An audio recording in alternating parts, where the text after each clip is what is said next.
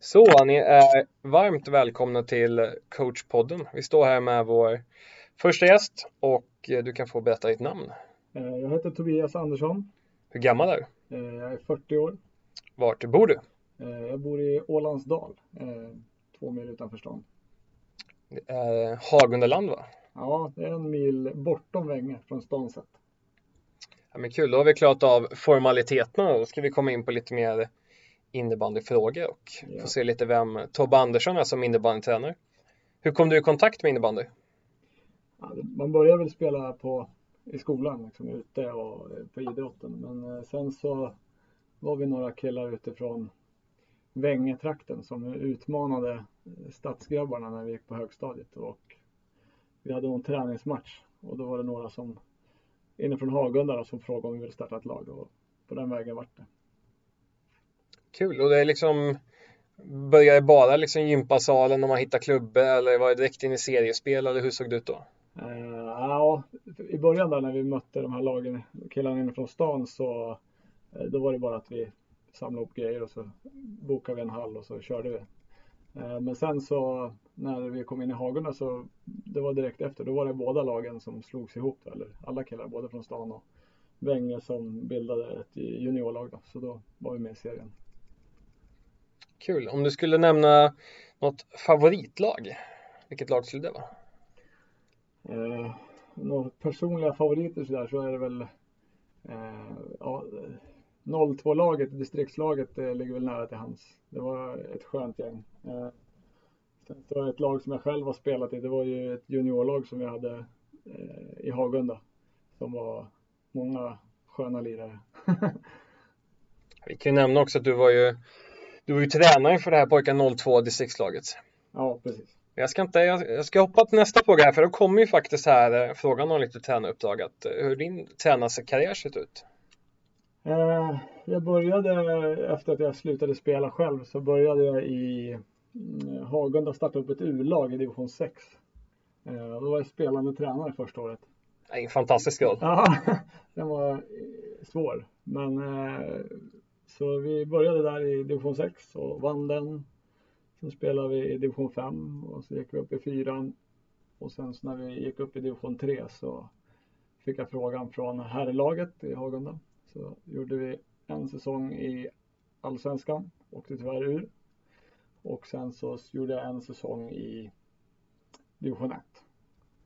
Sen har jag haft eh, distriktslagets eh, flickor Eh, 96 och 97.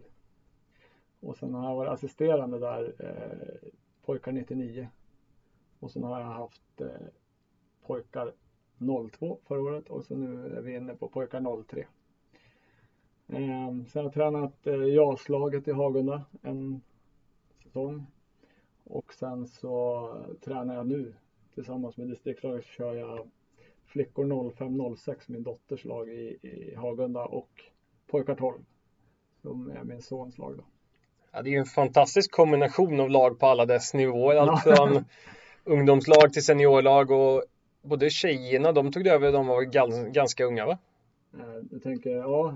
Eller du kanske till och med var med och startade upp laget? Ja, jag kom in efter, eh, om det var en halv säsong ungefär.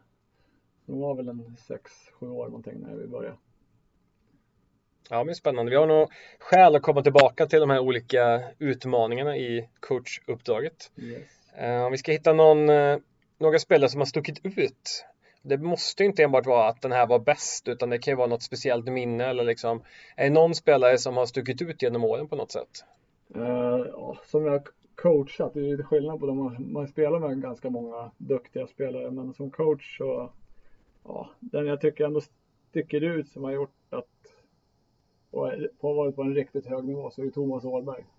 Målvakt i oss först och sen så gick han från oss till eh, Gran då, i SSL. Och sen var han ju i Sirius ett tag också innan han kom tillbaka till Hagunda. Så det är väl eh, den som har högst, haft högst nivå tycker jag. Otroligt bra målvakt. Och det är spännande här med högst nivå att om vi ska bryta ner att man spelar på hög nivå. Vilka kvaliteter tycker du behövs för att vara en riktigt bra spelare? Uh, ja, där kan man ju fundera över lite, men eh, det är ju jag tycker det är jätteviktigt med helheten. Uh, självklart så vill man ha spets på spelarna och att de har lite olika kvaliteter givetvis. Men just att ha det här att man kan vara med i, i hela spelet liksom. Man kan, kan, försvara och man kan anfalla. Det är ju jätteviktigt. Och sen så för mig är ju inställningen till alltså, att alltid göra sitt bästa och alltid stå upp för sitt lag. Det är A och O för mig. Det är, det är väl det jag värderar högst kanske. Kan man missa en pass ibland, bara man tar tillbaka bollen. Och då kommer ju nästa utmaning då direkt liksom på påföljden liksom här att om man nu vill bli en spelare som har en bra helhet, hur, hur bör man träna för att bli en sån? Uh, om man behöver träna mot uh, man behöver träna mot andra bra spelare. Eh, har du kanske inte klubbtekniken och, och den biten i dig så får du ändå träna hela tiden mot några som kanske har det och du behöver ställa om ditt spel för att liksom anpassa dig till. Sen behöver du även möta bra spelare. Eh, det är väl kanske det första. Sen så är det ju bara att försöka nöta på de här eh, grundskillsen om man säger också under tiden. Men eh, börja Med grundskills, vad tänker du då? Ja, men alltså att man har eh, bra klubbteknik, man kan skydda bollen, ge sig själv tid med bollen.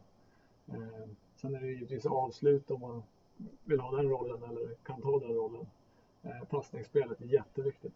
Alltså både kunna passa bollen och ta emot den. Det här är ju superviktigt, framförallt i de yngre åldrarna tycker jag. Ska man få igång passningsspelet så måste det tränas i att passa bollen och kanske framförallt ta emot den. Slår en passning och ingen tar emot ha motivationen att fortsätta passa. Nej, precis.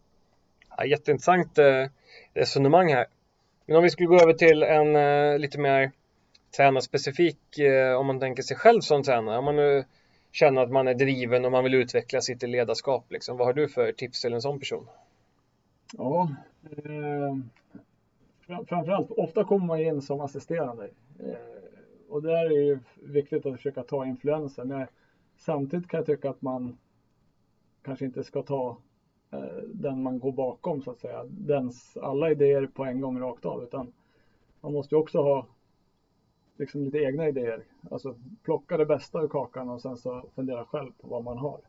Eh, och kanske vara liksom redo att backa ett steg om man ska ta över ett lag själv. Eh, så man inte kliver på ett alltför svårt uppdrag från början och kan utvecklas därifrån. Det, jag började i division 6 och det var väl kanske tur. Framförallt för de spelarna som hade fått mig i en högre nivå kanske.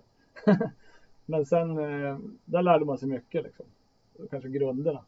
Sen har man ju haft ja, turen att få ha lite olika lag på olika nivåer, även på hög nivå. Där utvecklas man ju på ett helt annat sätt. Men där måste man ha idéerna lite mer färdiga och kunna leverera dem. Eh, med lag på lite lägre nivå kan man kanske testa sig fram lite mer. Har du hamnat i en situation där du kan uppleva att det finns en kravbild från laget gentemot tränaren? tränaren förväntas kunna en massa saker, lösa situationer på match, eller hur, hur har du känt där? Ja, det har jag gjort. Eh, det upplevde jag när vi tränade Hagunda i Allsvenskan eh, det var, jag kunde inte komma till en träning. Alltså, där var jag superförberedd alltid. För det visste jag att de kraven ställde de på oss. Och vi ställde ju väldigt, väldigt höga krav på dem. Så att det var inte mer än rätt tyckte jag då. En ganska sund relation då kan man tycka. Ja, precis. Men ska vi ställa höga krav så måste ju de ställa höga krav på oss. Så att det är bra grejer vi kör. Eh, försökte även vara ganska öppen med just att Tyckte de att det var skit, det vi höll på att träna liksom, så ville jag höra det efteråt. Jag vill ge det en chans först. Så vill jag höra det efteråt så att vi, alltså, man är ändå där för dem. För de ska bli bättre spelare. Sen vissa grejer lyssnar jag på, vissa grejer behöver vi träna på. Och då kanske det kanske inte finns så mycket bättre sätt att göra det på. Då får de gilla läget. Men det ska ju vara ett ge och ta. Ja, det är ju det är en spännande liksom eh, ett spännande kluster att jobba just i sådana miljöer där det blir liksom mycket resultatfokus och liksom eh, de delarna. Men om man tänker också du som ledare, hur kan du se resultat av att ni har gjort ett bra jobb trots att man kanske liksom har resultatmässigt inte, man vinner matcherna liksom. Man kan fortfarande se sekvenser jobbat på har lyckats eller hur tänker man där? Ja, det får man göra givetvis. Alltså, även om man inte når hela vägen fram resultatmässigt, det kan ju handla om att ja, man kanske inte har nivån riktigt som lag. Liksom. Men eh, eh, det får man ju titta på. Men sen får man ju försöka hela tiden jobba med de bitarna och helheten också för den delen. Men att man hela tiden strävar efter att ha ett riktigt tempo på träningarna och sådana saker. Um, sagt, sen kanske det inte räcker till alla gånger men uh, alltid ha den här energin och liksom driva laget hela tiden och sen få spelarna själva att driva. Um, det tycker jag är väl det absolut viktigaste. Mm, ja, det är spännande att jobba med de delarna. Eh, och vad är det som då har gjort att du fastnat för, för sporten innebandy? För du har väl även varit aktiv i lite andra idrotter? Ja, jag har provat på lite olika. Eh, jag körde lite tennis när jag var liten, fotboll mycket. Bandy. Eh, sådär. Men eh, ja, det var fotbollen jag brann för mest när jag var yngre. Eller jag älskade hockey i och för sig. Men eh, det var kanske mer att det var en tuff sport. Och jag gillade väl det ganska mycket då. Men Eh, sen var det fotboll och sen kom innebandyn och där kom jag igång ganska snabbt och det gick ganska bra fort. Eh, och jag tyckte faktiskt eh, vi fick ny tränare och vi vart seriösare på ett helt annat sätt än vad vi var i fotbollen. Så vilket gjorde att det var mycket roligare, det var större driv där så att man liksom, ja, då hamnar man automatiskt där. Och då mm, ångrar jag inte en sekund. Och var det ett givet val att när du kände dig färdig som spelare direkt haka på en ledarkarriär eller hur, hur kom den övergången? Ja, eller ja, det var väl inte helt såklart, men jag fick frågan ganska snabbt. Eh, jag vet inte, egentligen kände jag mig kanske inte helt färdig som spelare heller. Eh, jag hade nog spelat, det var lite sorg när jag slutade också. Så jag hade gärna, i efterhand så hade jag gärna spelat några år till säkert. Men eh, ja, jag fick ju möjlighet att spela som spelande tränare på lite lägre nivå. Och ja, tyckte det var kul. Alltså jag valde själv att kliva av från banan efter första året. Så att, eh, bara ta coachrollen sen då. Vilket varit mycket lättare också. Och vilka egenskaper tror du att de som ställde frågan hade liksom fastnat för hos dig som de såg att det här kan det bli liksom en tränare? Ja, jag vet inte. Förhoppningsvis har de sett att jag hade ett jävla driv. Eh, för det hade jag. Som spelare så hade jag ett bra driv. Det var väl min största tillgång kanske. Eh, inställning till innebandyn. Engagemang. Engagemang och ja, gav aldrig upp. Då ska vi in på lite mer innebandydetaljer då, lite mer hur du, hur du tänker gällande vissa frågor här. Och fråga nummer ett då, det är att om du ska kliva in i ett lag och så ska du ganska snabbt försöka bygga någon form av försvar. Det är din huvuduppgift där. Liksom. Hur, hur skulle du tänka inför en sån uppgift?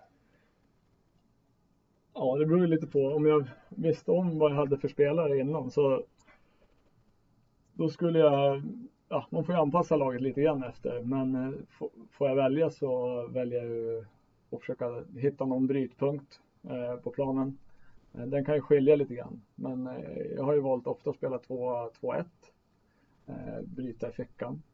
Med bryter menar jag att då har man en tanke i spelet att här vill vi vinna boll för sen kunna då starta ett anfallsspel då eller? Precis, mm. att man försöker få dem till den sidan där man vill ha dem. Och det kan man också ha olika taktik kring. Men att man får ner dem på ett ställe och där vet jag att vi är starka. Där blir vi två mot en och sen så därifrån sen så försöker vi ha sätta igång ett snabbt anfallsspel. Om du skulle få välja tre ord som skulle kunna symbolisera liksom, ditt försvarsspel. Till exempel då engagemang eller liksom. Har du några sådana ord känner att det här vill jag ska genomsyra mitt försvar? Ja, aggressivitet. Eh, beslutsamhet. mm. Ja, så engagemang, ja givetvis. Det är ju eh, innefattar ju täcka skott, eh, våga stå upp framför mål, eh, alltså sådana saker, tänker jag. Eh, det handlar mycket om det i min värld. Om man försvarar. Man vill ha tillbaka bollen så man kan anfalla mycket. Och sen tänker vi oss lite så här. Vad är för dig en bra innebandyövning? För det är många som brottas med att de ska planera träningar och liksom eh, de utmaningarna. Och vilka, om du ska planera en träning och en övning, vad, vad tänker du vill? Vad, vad tänker du då? Eh, nu har jag mycket träningar eh, med vårt flicklag Eh, och där är det ju oftast att vi tittar efter matcherna. Eh, vad är det vi har hållit på med och vad, hur har det gått? Vad behöver vi träna mer på? Vi tränar ju väldigt mycket på vårt passningsspel. Vi är ganska bra på det. Men vi tränar, fortsätter träna. Vi tränar minst två gånger i veckan, säkert 20 minuter. Enbart utan avslut till och med. Eh, Men... Bara motfråga då. Ja. Tränar, hur tränar ni på ett sånt passningsspel liksom? Hur, hur kan det se ut? Ja, vi kan köra, vi kör alla möjliga övningar. Så är det mycket två, två och två. Alltså de passar till varann och sen så kör vi med olika rörelser. Det vi innefattar medtagningar och så gör någon dribbling, passar tillbaks eller kör direktpassningar, långa, korta. Eh, vi kan köra övningar där vi står en ring yttre, en inre och så kör vi olika mottagningar och sådär. Så man hela tiden, mycket fart på fötterna så man hela tiden rör sig, inte bara står stilla när man passar. Är blandat med övningar som är, vad ska vi kalla det, lite mer statiska eller allting i någon match eller spelform? Nej, det är ganska statiska övningar just där passningarna som vi kör. Då ställer vi oss ut dem. Vi kör dem på separat och så kör vi målvakterna för sig. Så att vi ska få både målvaktsträning nästan varje gång och sen så har vi det utspelarna. Men sen kör vi även passningsövningar i, i fart, alltså i övningsform också såklart. Men eh, vi satsar mycket på det. Men för att övergå till frågan om övningar så är det ju eh, har jag väl gått över mycket från de här statiska övningarna som är ja, för att man ska träna olika, ta emot och passa och springa hit och så, här. så har, vi gått, har jag gått mycket från det till att ja, göra sånt som vi verkligen vill göra i match i övningarna och försöka få det matchlikt så att säga. Så spelarna kommer väl förberedda till en match, då har gått igenom de tilltänkta scenarierna i förväg? Ja, lite grann så. Att man tränar på verkligen det vi ska göra. Eh, och kanske löpvägar och lite sådana saker känns igen på matchen. Det blir ännu tydligare när vi har kört distriktslaget nu. Eh, att man försöker göra sådana. Där tänker vi inte så mycket eh, ja, skills, alltså inte så mycket skott och sådär för sig. Utan här vill vi träna dem på det vi vill göra på matcherna. Det andra har de ju redan egentligen. Och innan match, då dyker det upp det här momentet med uppvärmning. Ja. Vad, hur tänker du att en bra uppvärmning, hur ska den se ut och vad ska den innefatta? Ja, det är väldigt viktigt, ja, för det första att komma igång. Alltså att man är igång i kroppen och att både huvudet och kroppen är med, man har intensitet. Ehm, men sen är det också klubba boll, man försöker få igång passningsspelet. Ehm, så att man verkligen sätter igång det direkt från början och inte behöver första två, tre bytena för att sätta igång spelet. Ehm, jag hade väl en, eh, kan jag tycka själv, en, eh, en utvecklingsgrej för mig också. Kanske inte lika noggrann där tyvärr som jag borde vara. Men eh, ja, men man har mycket idéer men man sätter inte in allt i, i praktiken tyvärr. Det kan ju finnas utmaningar med tiden man har också. Ja, så är det ju. Sådana saker. Det blir lite skillnad när man har ett seniorlag. Man vet att man har 45 minuter innan att kunna göra på. Medan med ungdomslagen kan man ha allt från 15 till 2 minuter att värma upp. Och då blir det lite, kan vara lite svårt. Har ni några så här fasta rutiner att det här måste vi göra innan matchen? Det här vill vi verkligen göra eller? Ja, vi kör alltid eh, så här frekvensstegar. Eh, för att få snabba fötter. Det gör vi alltid. Och har vi lite tid på planen kör vi utanför. Eh, så att fötterna är alltid igång oftast. Nu låter det konstigt, alltid igång oftast men eh, ibland såklart så är vi inte riktigt där. Men då är det mer en mental mm. grej. Ja, men det är jätteintressant att hitta de här sakerna för det upplevde jag ibland att det är många som man missar ett moment som är ganska väsentligt i matchen.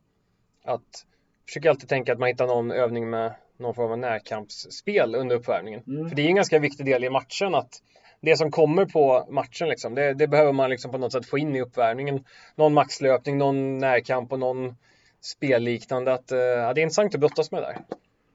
Ja, och det finns ju många möjligheter såklart. Men som sagt, ja. Vi har ju lite annat upplägg när man eh, kommer till ett seniorlag såklart. Exakt. Eh, vi har ju testat även att ha rent spel på uppvärmningen, vilket funkar väldigt bra om man kör lite mindre matcher och sådär.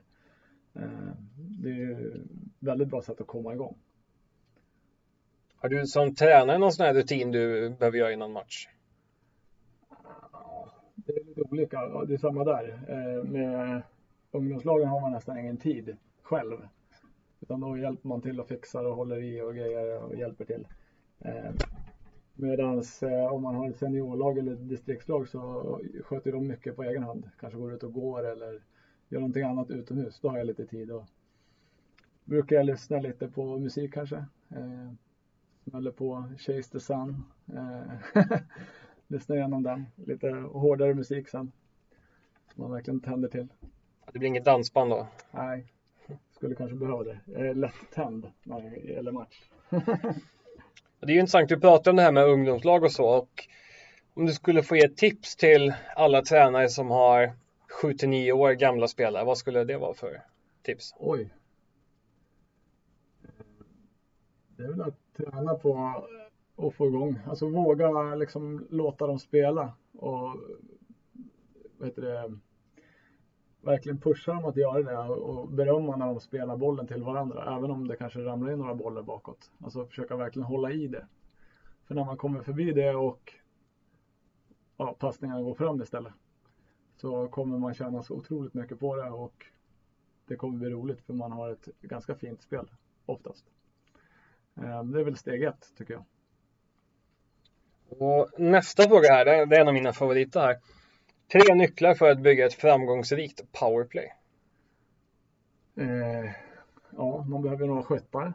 Eh, men det gör, spelar inte så stor roll om man inte har någon som kan sätta upp dem. Så man behöver ha några lite kreativare spelare som kan eh, verkligen hota och försöka, eller hota och få bort eh, motståndarna så att vi kan sätta våra skyttar i lägen. Eh, sen vill man ju att det ska finnas flera hot så att det inte bara är ett öppet hot som man eh, kan stänga bort lätt. Var det tre? Jag tror det. Ja, det var lite tolv Ja, men det är spännande. Powerplay är ett evigt levande ja. moment. Och vi får ju se här, för nästa, det är faktiskt en av mina favoritfrågor.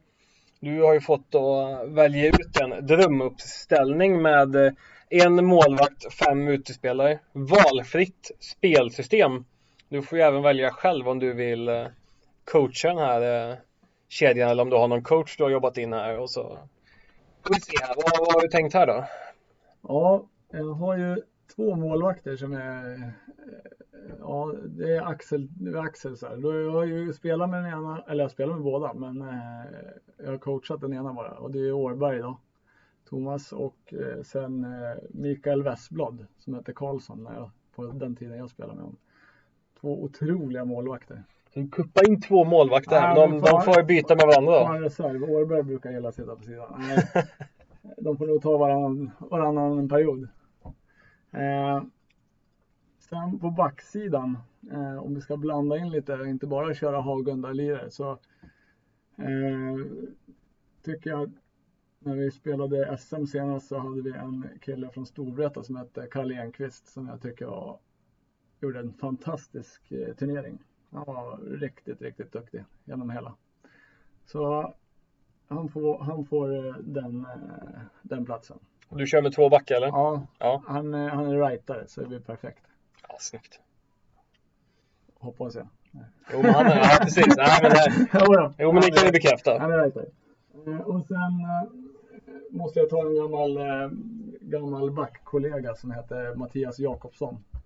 Eh, en riktigt spelskicklig back eh, som har några stycken jag har spelat med som har hjälpt mig att spela upp bollen.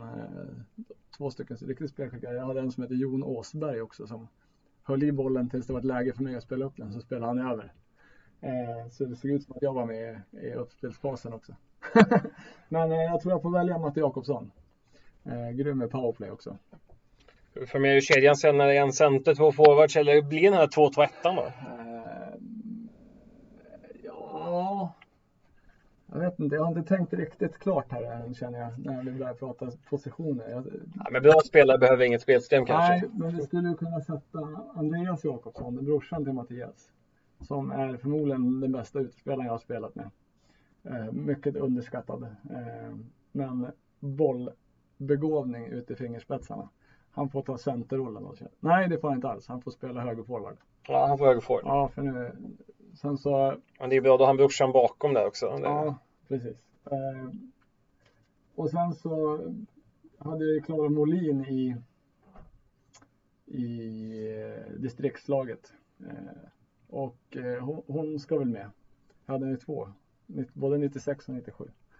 Eh, hon eh, får vi hänga på lite grann. Hon får köra hon får köra, vad ska vi köra henne då? Eh, vi gör så att vi sätter eh, Myran, eh, Andreas Jakobsson på topp. Så kör jag en 2-2-1. Så Klara får gå höger där i den. Och sen så kör vi Fredrik Hast från Hagunda. Så då är vi riktigt täta bakom. Volleyspecialist va? Snabba på kontringar. Eh, bra framför kassen på båda sidorna. Och sen kan eh, myran kan snurra upp vem som helst och stötta upp de andra. Skulle du sätta dig själv som coach eller har du någon annan tränare du känner skulle kunna leda formationen? Ja, man ju vilja coacha det här laget såklart. Eh, jag har ju några andra som jag har hängt ihop med ganska mycket som man kanske skulle ta med sig i så fall. De kunde få assistera mig. Ja, men det låter bra. Kör! Eh, då blir det ju Martin Dahlberg såklart, eh, som jag har kört alla omgångar med distriktslaget med och även tränat Hagunda tillsammans med. Och så måste man ha in någon som kan snacka lite också. Då blir det Nikola Marincik. Eh, han har tränat mig både i Hagunda och vi har tränat laget ihop då. Både Hagunda och distriktslag. Det brukar vara mycket surr också när vi kör ihop så att eh, man har inte bara kul på planen och bredvid där utan det blir kul annars också. Så får ja. bli min. Stabil tränarpojkar. Ja, och stabilt lag också. Ja, det kan vi komma att lyfta till, uh, lyfta till nya höjder. Så att eh, vi tackar för en, eh, en fin uppställning och eh, för fina svar på våra frågor och eh, stort tack för att du har varit med i coachpodden. Ja, tack själv. Tack själv.